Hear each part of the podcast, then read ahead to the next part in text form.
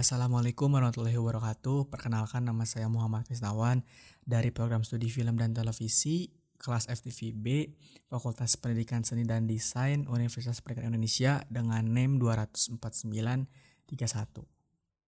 Pada kesempatan kali ini saya akan menjelaskan uh, tentang integrasi atau urgensi integrasi nasional Indonesia. Integrasi nasional berasal dari kata integrasi dan juga nasional. Integrasi berarti memberi tempat dalam suatu keseluruhan.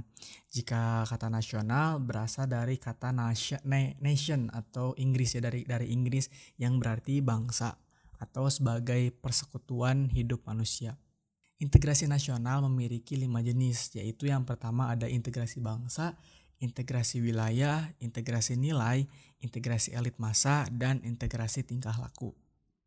Dalam integrasi, pastinya kita berpikir secara uh, positif bahwa integrasi adalah sebuah keterpaduan atau kesatuan. Dan ada juga yang disebut disintegrasi, merupakan sebuah perpecahan atau sebuah ketidak uh, keterpaduan Contohnya dalam kasus disintegrasi bahwa beberapa tahun ke belakang Indonesia memiliki peristiwa-peristiwa disintegrasi nasional, yaitu antara lain ada G30 SPKI, DITII, dan juga APRA. Maka dari itu pentingnya kita mempelajari urgensi integrasi nasional guna membangkitkan kesadaran satu kesatuan, keterpaduan, menguatkan identitas nasional yang kita miliki dan membangun persatuan bangsa pastinya. Mungkin sekian yang bisa saya sampaikan. Terima kasih telah mendengarkan.